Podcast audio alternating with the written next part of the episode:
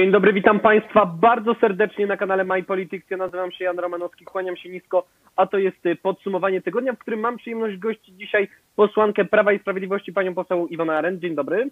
Dzień dobry, witam Państwa, dzień dobry Państwu. Właściwie dobry Oraz wieczór. przewodnic... Dobry wieczór, dokładnie. Oraz przewodniczącego Unii Pracy, pana Waldemara Witkowskiego. Dobry wieczór pani, dobry wieczór panu i dobry wieczór. tym, Mamy nadzieję, że dołączy do nas również pan poseł Dobromir Sośnierz, który w tej chwili ma jakieś problemy techniczne, ale liczymy na to, że w trakcie programu do nas dołączy. Niestety pan przewodniczący, pan prezes Michał Kołodziejczak w związku z tym, że przedłużył się e, dzisiejszy kongres, o którym też będziemy zresztą chwilę rozmawiali, e, Agrounii, e, niestety musiał w ostatniej chwili odwołać e, udział w dzisiejszym e, programie. A już jak wspominam o tematach dzisiejszego e, e, programu, to klasycznie podsumujemy trzy najważniejsze wydarzenia, polityczne wydarzenia z minionego tygodnia. Zaczniemy od e, inflacji, danych GUS-u na temat inflacji, później przejdziemy do, chciałoby się powiedzieć minionego, ale tak ra- naprawdę jeszcze nie minionego, tylko przerwanego 43. posiedzenia Sejmu oraz zakończymy właśnie tą gorącą e, sob- e, polityczną sobotą. Także zacznijmy właśnie już od pierwszego tematu, nie przedłużając, czyli od inflacji. W e, poniedziałek Główny Urząd Statystyczny dał tak zwaną szybką mm, kalkulację inflacji CPI, która wyniosła 7,7%. Jest to najwyższa inflacja, y, kolejny miesiąc z rzędu, najwyższa inflacja od wielu lat w Polsce, od ponad 20 lat w Polsce. Y, Wedle Instytutu Agiofan inflacja może jeszcze urosnąć do 8-9% CPI. Y, Ten szczyt, tego szczytu można się spodziewać w tym miesiącu, czyli w grudniu, bądź też za styczeń. Następnie ma ona się w pierwszym kwartale przyszłego roku zwolnić po tarczy antyinflacyjnej y, ogłoszonej w zeszłym tygodniu przez premiera Mateusza Morawieckiego i ten wzrost inflacji być zwolniony o 1 punkt e, procentowy wedle pierwszych e, szacunków. Także Szanowni Państwo, czy pakiet antyinflacyjny przedstawiony przez rząd Mateusza Morawieckiego Państwa zdaniem starczy? E, Czy, czy to jest coś, co, co pozwoli Po- Polsce wyjść z tego kryzysu, który zaczyna, powoli się zaczyna, związanego z e, inflacją? Jako pierwsza na tak postawione pytanie odpowie Pani poseł Iwona. Proszę bardzo. Trzeba powiedzieć, że to nie dotyka tylko Polski, tak, ten wzrost inflacji, bo to jest problem globalny, tak, borykają się z problemem e, ogromnej inflacji Niemcy, e, Hiszpania, ale także e, chociażby kraje pozaeuropejskie. Stany Zjednoczone dzisiaj mają z tym problem, więc to nie jest problem tylko Polski. A to wynika z, w ogóle z rosnących cen surowców, żywności, energii, zaburzeń w dostawach dostawach produktów, także y, w ogóle zaburzeń po pandemii, zaburzenie całej gospodarki globalnej, to nie tylko w Polsce. E, No i tak w Polsce rząd robił co mógł w czasie kryzysu e, pandemicznego i popandemicznego, czy właściwie ta pandemia, nie można powiedzieć, że popandemicznego, bo, bo, bo ta pandemia cały czas jest z nami e, i cały czas ta czwarta fala bardzo mocno w nas uderza. Ale te wszystkie programy, które do tej pory rząd wprowadzał, to były programy antykryzysowe, takie, które ratowały polskie przedsiębiorstwa, ratowały polskie miejsca pracy. E, Do tej pory e, na razie rząd, e, Polska wyszła z, z tego kryzysu no, no nie- w cudowny sposób cudownie, tak, ale, ale wyszła w miarę bez szwanku, ponieważ no nie, nie, nie upadały przedsiębiorstwa, miejsca pracy zostały zachowane. No dzisiaj doskwiera nam ogromna inflacja i dlatego rząd podjął e, działania, e, e, stworzył program e, antyinflacyjny na, na tym posiedzeniu Sejmu, które się właściwie jeszcze się nie skończyło, bo, bo jest e, tylko przerwane do następnego tygodnia.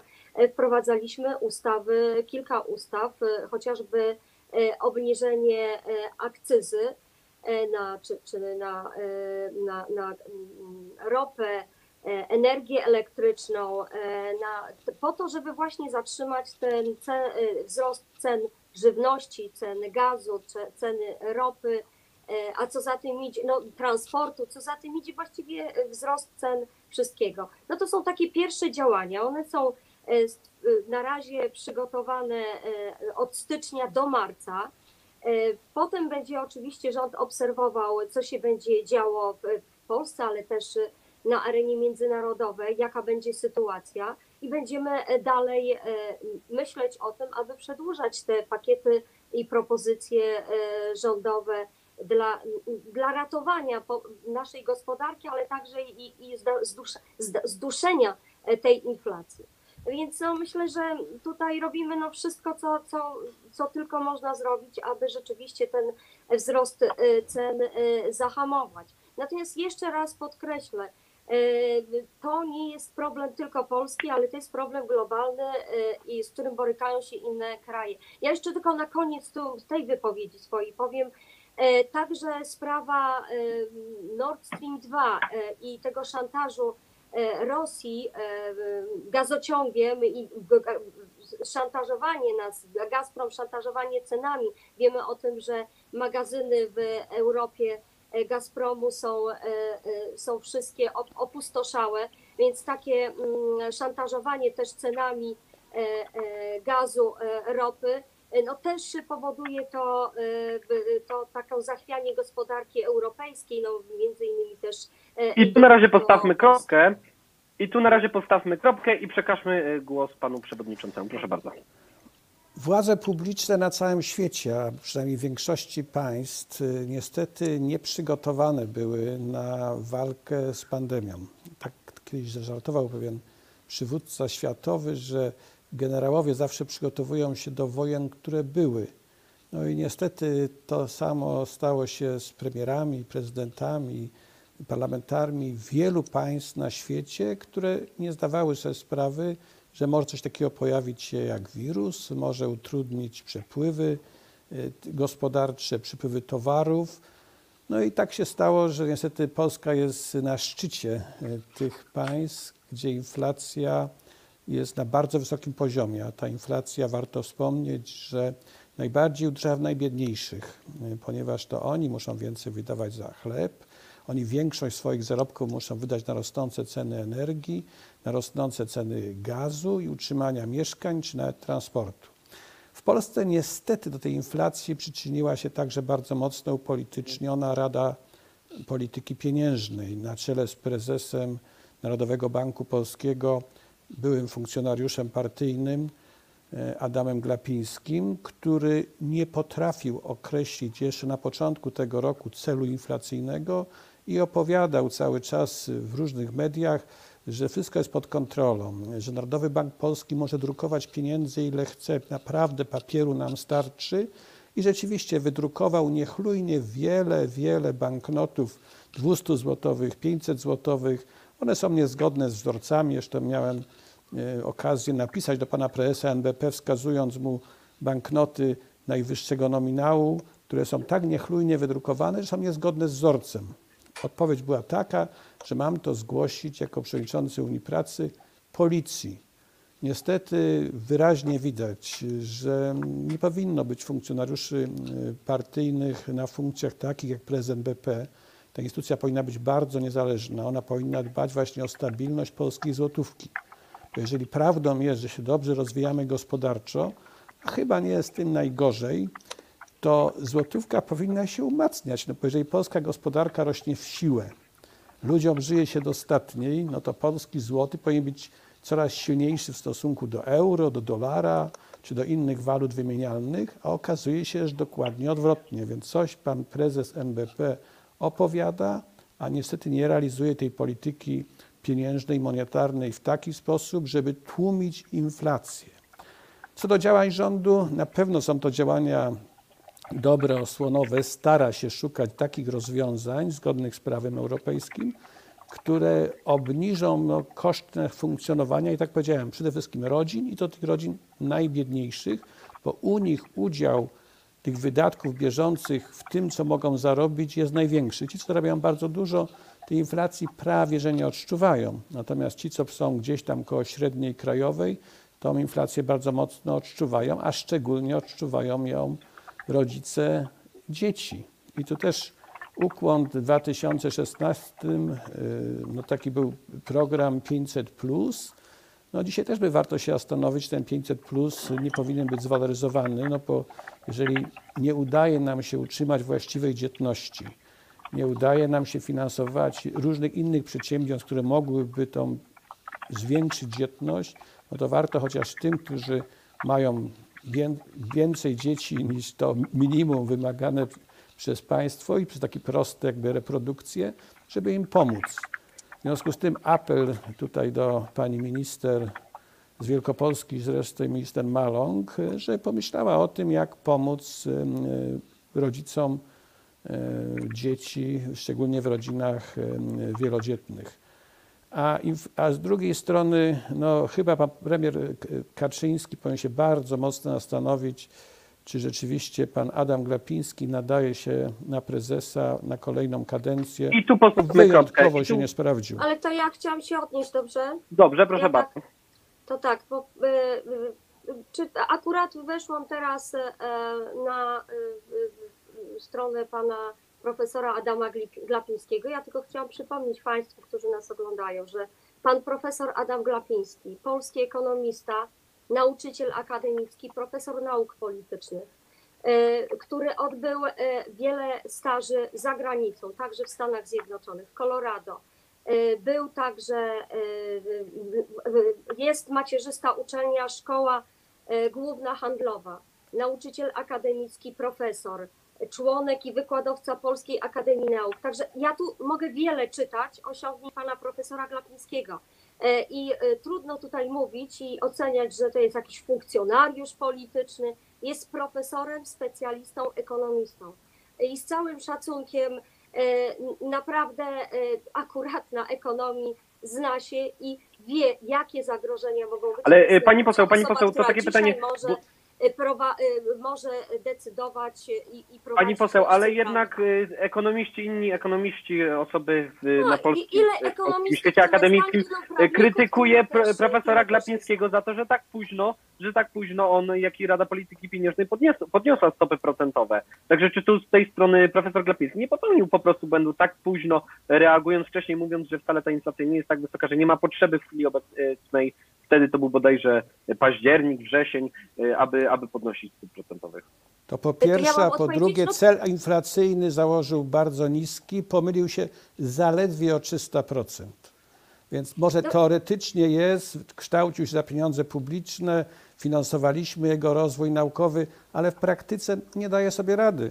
I tak trzeba to i- No ja mogę, będę innego zdania, znakomicie sobie daję radę. no nie daje sobie rady, ale liczby mówią co innego. No, Ale, ale pani ja rozumiem, że pani ma obowiązek Ilu- bronić swojego kolegę byłego partyjnego. Dajmy pani poseł Ile Okej. ekonomistów, tyle, ilu ekonomistów, e, tyle jest zdań. Nie wiem, czy pan tutaj, pan Witkowski, Waldemar jest ekonomistą, czy nie.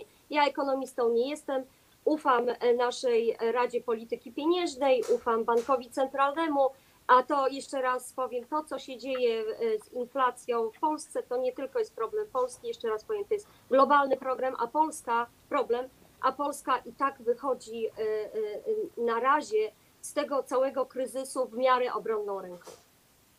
I tu, szanowni państwo, postawimy kropkę, przejdziemy już do kolejnego tematu. Niestety dostałem właśnie informację, że pan poseł Sośnierz ma e, problemy techniczne na, tak, e, na tyle duże, że nie jest w stanie dzisiaj do nas dołączyć, ale w tym gronie będziemy dalej dyskutowali, przyjemnie dyskutowali na kolejny temat, którym, e, którym będzie 43. posiedzenie Sejmu, o którym już, już tu wspomnieliśmy. 43. posiedzenie Sejmu, tak jak już wspomniało, chciałoby się powiedzieć minione, ale wcale- nie minione, bo będzie kontynuowane w tym tygodniu w środę i czwartek, ale podczas tych trzech dni, przepraszam, dwóch dni posiedzenia, 43 posiedzenia była mniej- między innymi mm, była między innymi była dyskusja na temat e, ustawy o utworzeniu e, Instytutu Rodziny i Demografii na wniosek posła Bartłomieja Wróblewskiego z Prawa i Sprawiedliwości, e, która przeszła pierwsze czytanie większością 205 do 204 głosów. Tu mówię oczywiście o odrzuceniu w pierwszym czytaniu.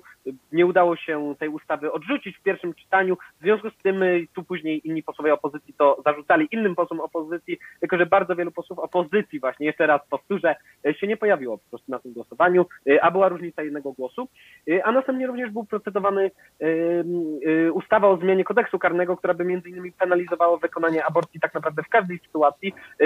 Tutaj ta ustawa była odrzucona już w pierwszym czytaniu. Za odrzuceniem w pierwszym czytaniu było 361 posłów, tylko 48 przeciw, a 12 się wstrzymało. E, Także, szanowni państwo, tu e, pytanie jest takie, co, co państwo sądzicie o tych dwóch ustawach, jak i o, o tym, co się działo jak dotąd e, na tym posiedzeniu Sejmu. Najpierw chciałbym usłyszeć tą perspektywę e, pozaparlamentarną pana przewodniczącego Waldemara Witkowskiego.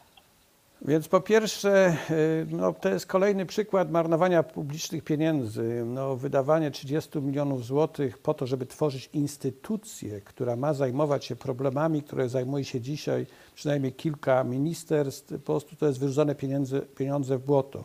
Gdyby te 30 milionów przeznaczyć chociażby na finansowanie zapłodnienia in vitro, to kilka tysięcy par, a może nawet więcej, mogłoby mieć dziecko i w ten sposób program PiSu byłby też poprawiony, jeżeli chodzi o dzietność e, polskich rodzin.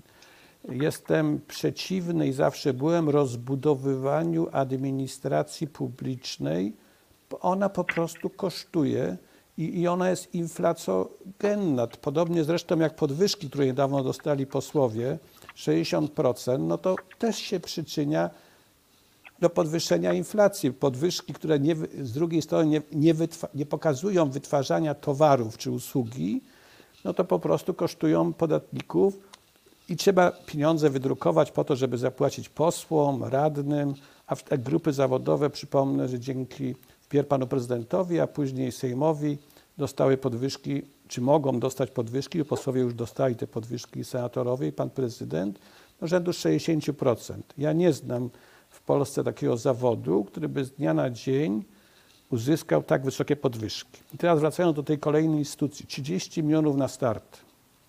Ja szanuję pana posła Bartłomieja Wróblewskiego, zresztą znam go, byliśmy radnymi w Sejmiku. Bardzo dociekliwy, analityczny umysł, zresztą z sukcesami sportowymi, zdobywał najwyższe góry e, świata, ale niestety w tej sprawie go na pewno nie poprę i nie, będzie, nie będę go popierał.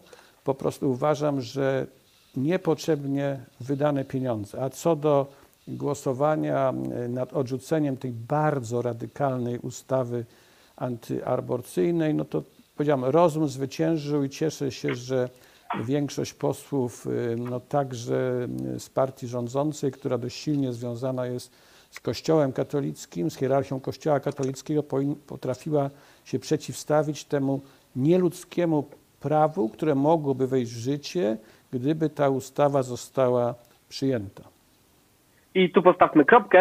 E, Pani poseł, tu ja, ja bym jeszcze e, chciał zadać Pani jedno pytanie. W mediach e, wczoraj się pojawiła informacja, że w Prawie i Sprawiedliwości jest w tej chwili rozłam właśnie w związku z tą ustawą o Instytucie Rodziny i Demografii, że część, część Pani kolegów i koleżanek protestuje teraz przeciwko tak zwanemu radykalnemu skrzydłu, e, skrzydłu Prawa i Sprawiedliwości, które ma powstać właśnie skupione wokół posła Wróblewskiego. Także czy w Prawie i Sprawiedliwości naprawdę pojawia się kolejne, kolejne roszady, przepraszam, nie roszady, problemy personalne, czy widać coraz większe podziały wewnątrz partii z Pani perspektywy, czy też y, ta ustawa w ogóle takiej sytuacji nie ma i czy ta ustawa tego nie zwiększa i te, e, i te medialne doniesienia są, że tak powiem, banialukami.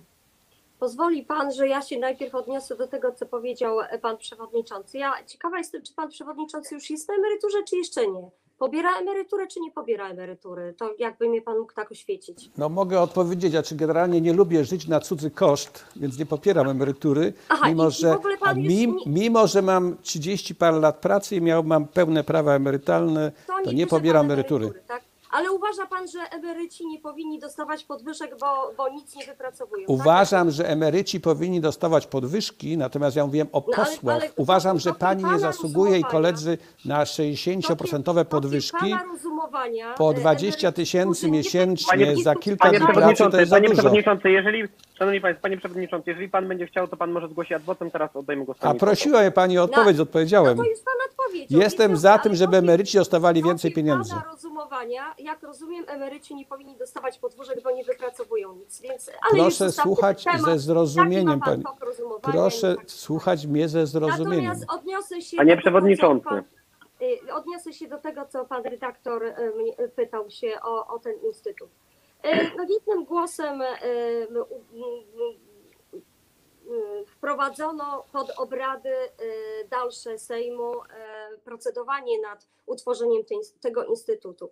Oczywiście u nas y, w Prawie i Sprawiedliwości w klubie trwa dyskusja na temat y, tego, czy zasadne jest y, tworzenie takiej instytucji. Czy ta instytucja, jeżeli ma zostać utworzona, jak- jakie ma mieć kompetencje? E, jakie powinny być działania, jakie powinny być cele. No teraz do, dobrze, je, dobrze jest, że jest ten czas na e, porozmawianie o tym. Będą komisje, na tej komisji będzie można rozmawiać i, i po to jesteśmy, żebyśmy dyskutowali na ten temat. Ja jestem akurat jedną e, z, z tych posłów, jednym z tych posłów, gdzie ja wstrzymałam się nad, nad, nad tą ustawą dotyczącą utworzenia tego instytutu, ponieważ no, miałam wątpliwości. Powiem szczerze, mam wątpliwości co do tego, czy rzeczywiście ten instytut y, dzisiaj, akurat w tym czasie powinien zostać utworzony. Być może mnie koledzy przekonają, tak? No i wtedy zagłosuję za utworzeniem instytutu. No ale na to jest właśnie czas na debatę, żebyśmy y, porozmawiali y, na temat celów i zasadności powstania tego instytutu. Nie ulega wątpliwości, że rzeczywiście Polska boryka się z problemem demografii. No tutaj się nie zgodzę z panem przewodniczącym, że, że te pieniądze mielibyśmy przeznaczyć na in vitro. Jestem przeciwnikiem in vitro i o tym zawsze i wszędzie będę mówiła, więc y, uważam, że moglibyśmy na przykład dofinansować na protechnologię, tak, a nie in vitro, to też byłyby na pewno dobrze wydane pieniądze. W związku z tym y, oczywiście musimy myśleć, myśleć o demografii, o przyszłości Polski, o to, żebyśmy się nie wyludniali, y, żeby dzieci się rodziły. Y, I, I nad tym powinni nie tylko politycy pracować, ale także naukowcy. Być może właśnie ten instytut, y, jeżeli by y, w nim byli naukowcy, którzy, socjolodzy, którzy mogliby jakieś w bliższej perspektywie znaleźć rozwiązanie problemu demografii w Polsce, może to by był dobry kierunek. Aczkolwiek jest czas teraz na, na rozmowy. I jeszcze ostatnią rzecz, którą powiem. No takie mm, składanie przez posłów opozycji, y, posłanek właściwie opozycji, że one głosowały, ale głos nie został zaliczony e, i, i mówienie o tym, że, że e, to jest osz- oszustwo, bo, bo, bo system ich głosów nie policzył, no to wczoraj obejrzałam sobie filmiki, które zostały upublicznione, gdzie ewidentnie było, że te, te panie posłanki niestety, ale nie zagłosowały. Więc te panie posłanki oszukały opinię publiczną i nas wszystkich. I tak to wyglądała sytuacja wczoraj. E, Dziękuję bardzo. Nie wiem, panie przewodniczący, czy jest jeszcze chęć do tego adwocem, czy, czy już nie?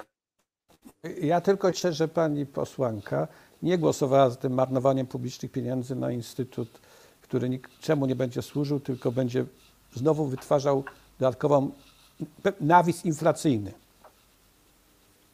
Y, A ja mam jeszcze, szanowni państwo, takie pytanie, zanim przejdziemy właśnie po raz kolejny y, tutaj w polskim y, dyskursie politycznym, szczególnie dyskursie politycznym związanym z opozycją w jakiejś mierze, pojawia się właśnie temat tego, że posłowie bardzo często przy kluczowych głosowaniach nie pojawiają się pełnym składzie. Tutaj nie mamy co prawda y, żadnego z posłów opozycji z nami, y, natomiast y, czy, czy tutaj możemy tak naprawdę wierzyć partiom, które w tej chwili mówią o tym, że trzeba Prawo i Sprawiedliwość odsunąć od władzy, a jaki jest projekt, który, o którym sami mówią, że jest szkodliwy dla Polski, jedna z gorszych rzeczy, trzeba to absolutnie e, skasować.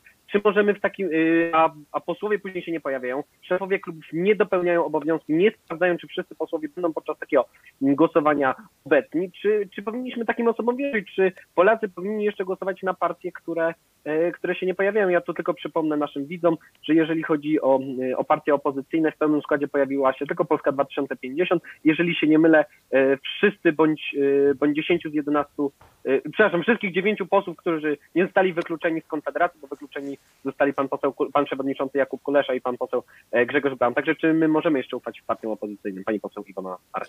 Ja, ja to się bardzo cieszę, że nie można ufać posłom opozycyjnym, tak? To znaczy nie, opozycja nie może ufać swoim posłom, bo dzięki temu my mamy mniejszy problem, więc tu mi jest trudno oceniać. Dla mnie im gorzej w opozycji będzie, tym lepiej. No i, i, i taki mój komentarz może być. Pan przewodniczący.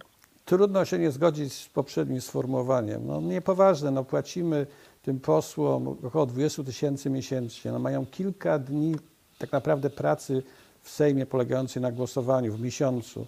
No szkoda, że tak nie szanują tych wynagrodzeń, które uzyskują no, z naszych podatków i nie, wykonują obowiązku będąc w Sejmie i głosując, bo po to oni tam tak naprawdę są. Mają tworzyć prawo poprzez głosowanie, a nie poprzez jeżdżenie po różnych miejscowościach, y, robienie sobie zdjęć y, przy różnych okazjach, bo to nie jest rola posła. Poseł ma tworzyć prawo i za to mu płacimy. I to jest podstawowe zadanie A posła. ale jak go przewodniczący, nie ma w pan- Sejmie i nie głosuje, to znaczy, że powinien no, być Ja zwolniony tylko z tych obowiązków. mogę.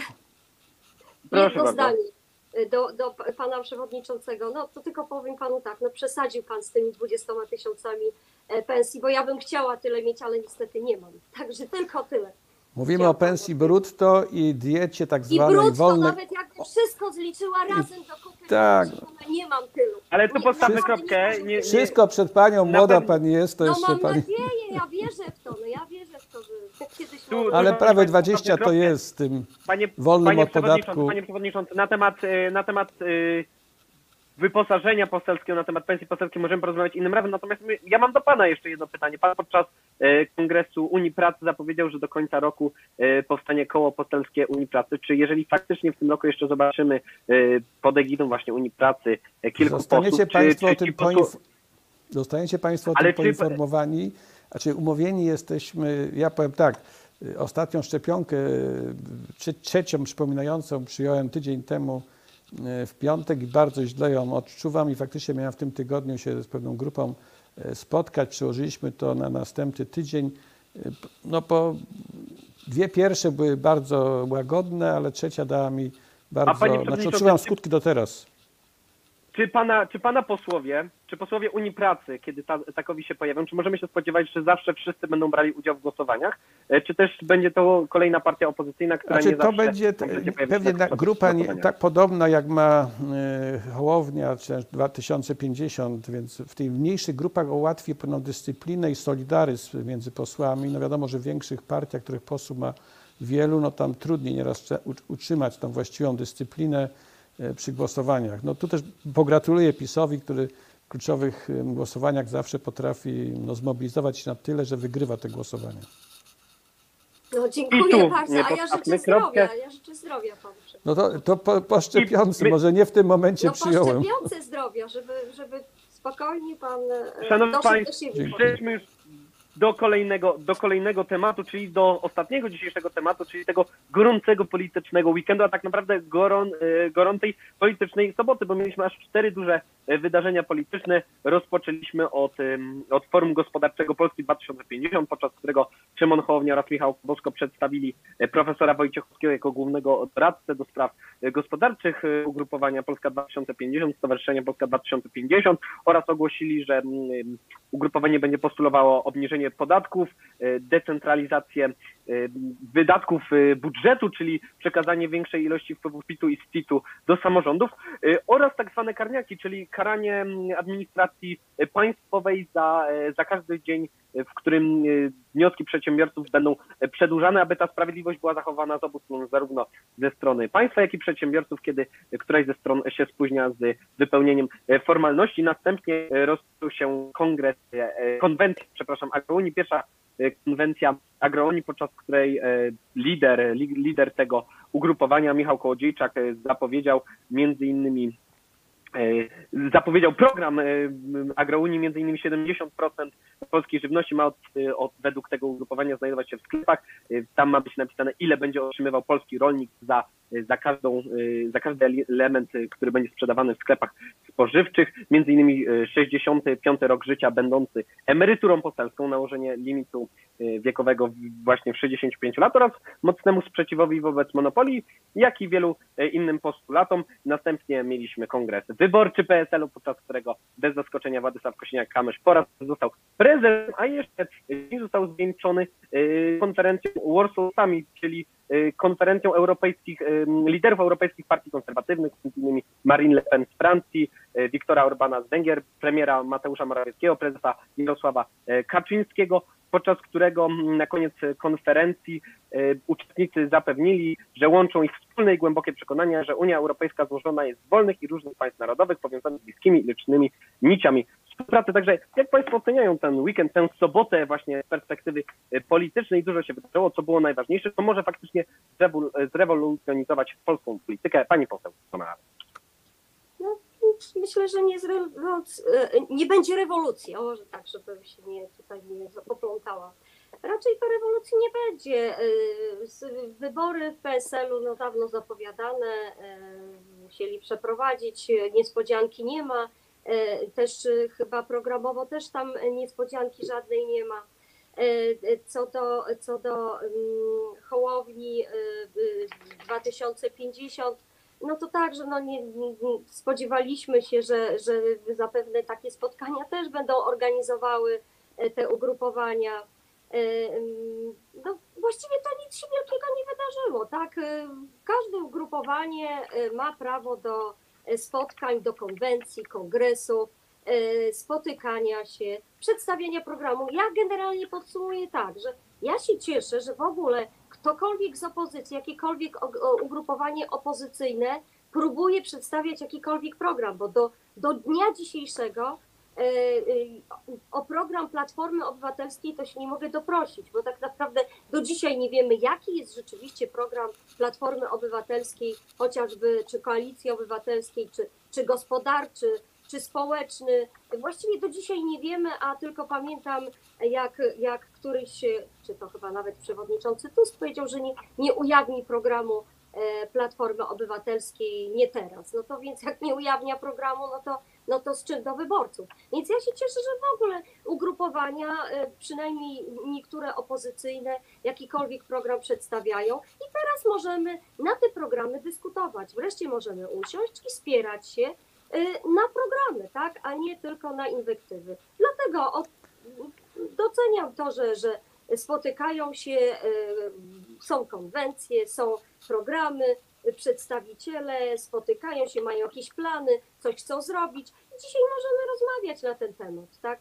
Ale to mówię, jak już zapoznam się z tymi programami, które zostały przedstawione, wtedy będziemy rozmawiać tutaj chociażby na antenie My Politics.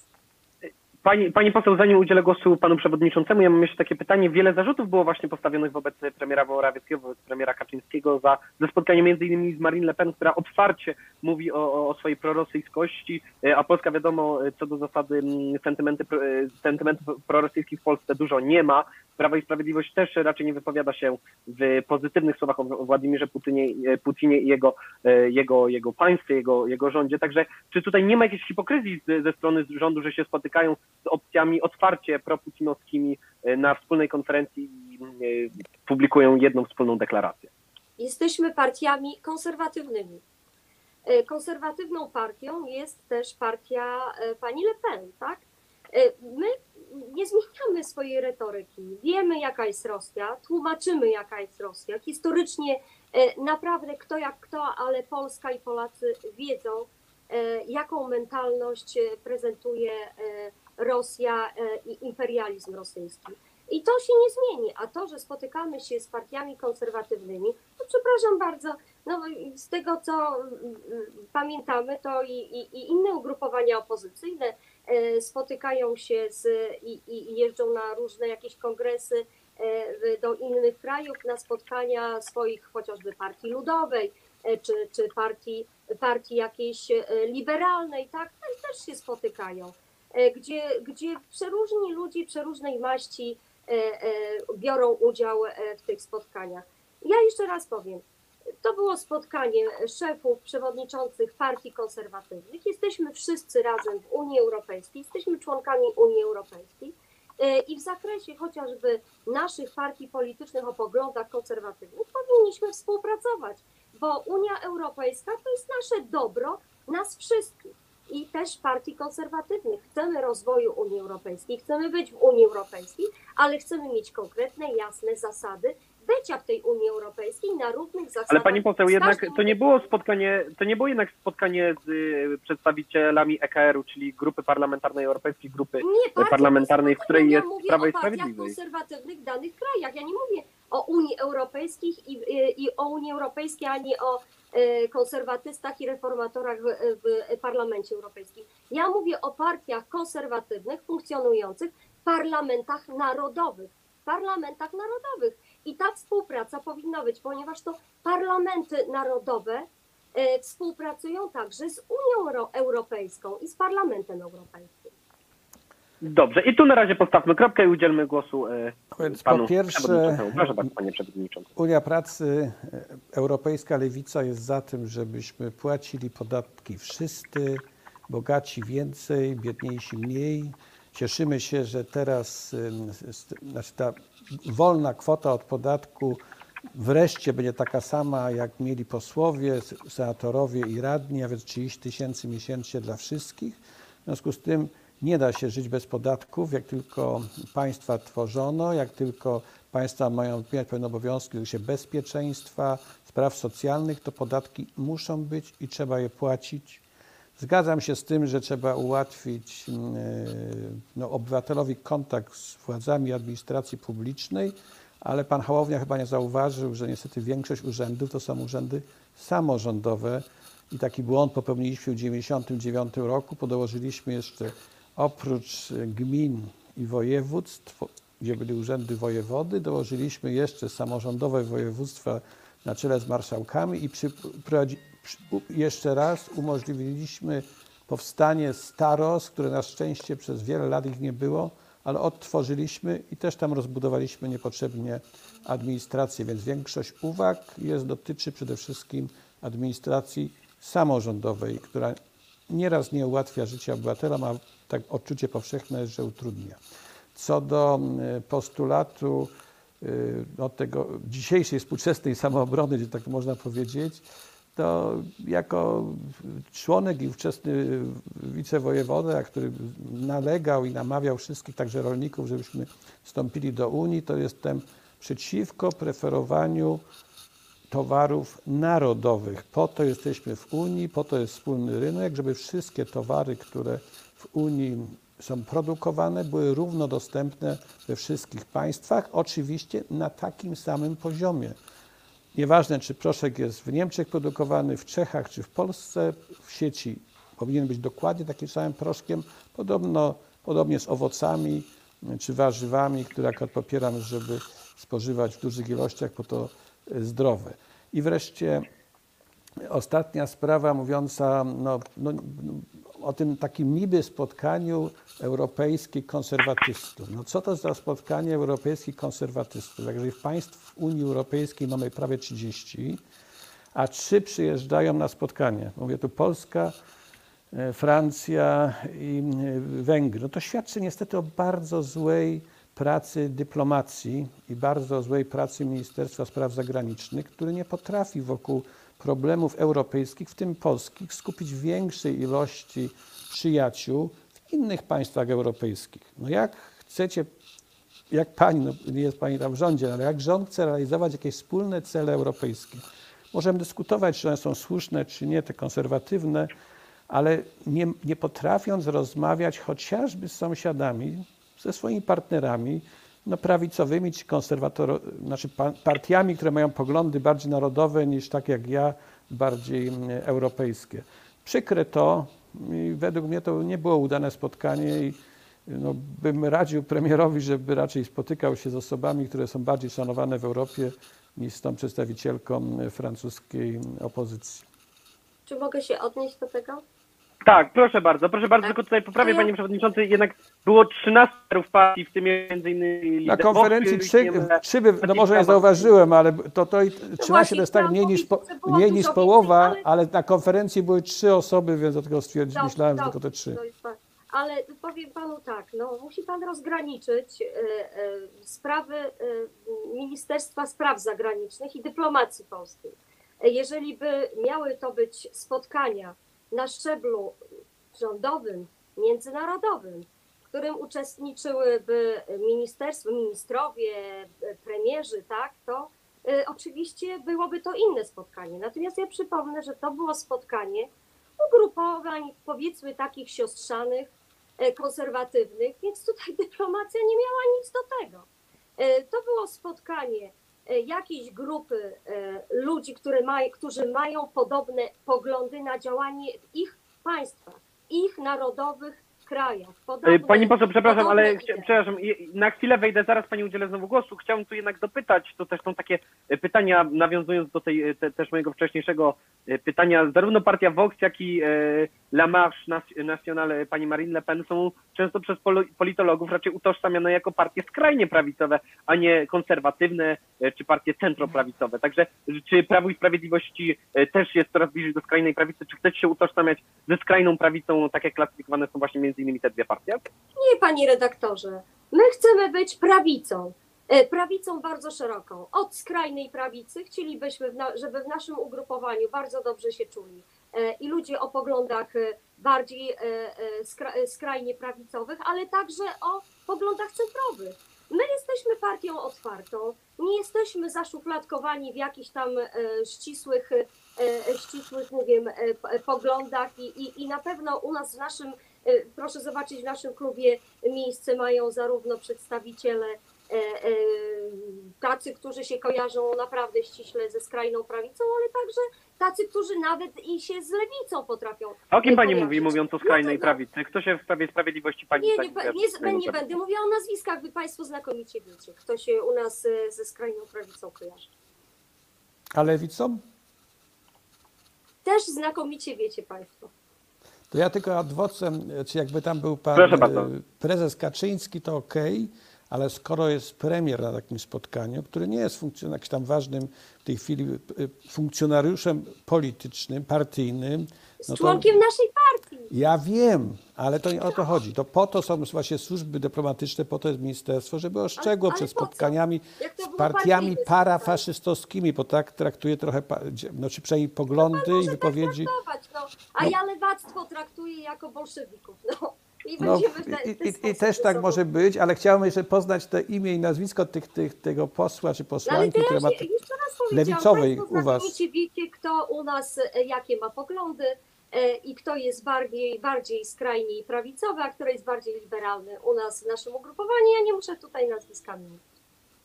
Czyli rozumiem, że Prawo i Sprawiedliwość będzie mocniej zmierzał w tej chwili w kierunku partii tak zwanej Big Tent, czyli przyjmujemy wszystkich związanych z szeroko pojętą Nie, no nie, no bo nie przesadzajmy, no panie redaktorze, no ja tego nie powiedziałam, że przyjmujemy wszystkich, tak, bo, bo na pewno nie będziemy przyjmować wszystkich, natomiast my jesteśmy partią, e, do której każdy może przyjść e, i jeżeli będzie tylko chciał, miał ten cel, e, żeby e, reprezentować szeroko nasz program, który mamy, który jest oficjalny, o którym wiemy, który przedstawiamy w przeciwieństwie do Platformy Obywatelskiej, do której nie wiemy, jak tam, do czego się A pani odnieść, bo nie poseł, y.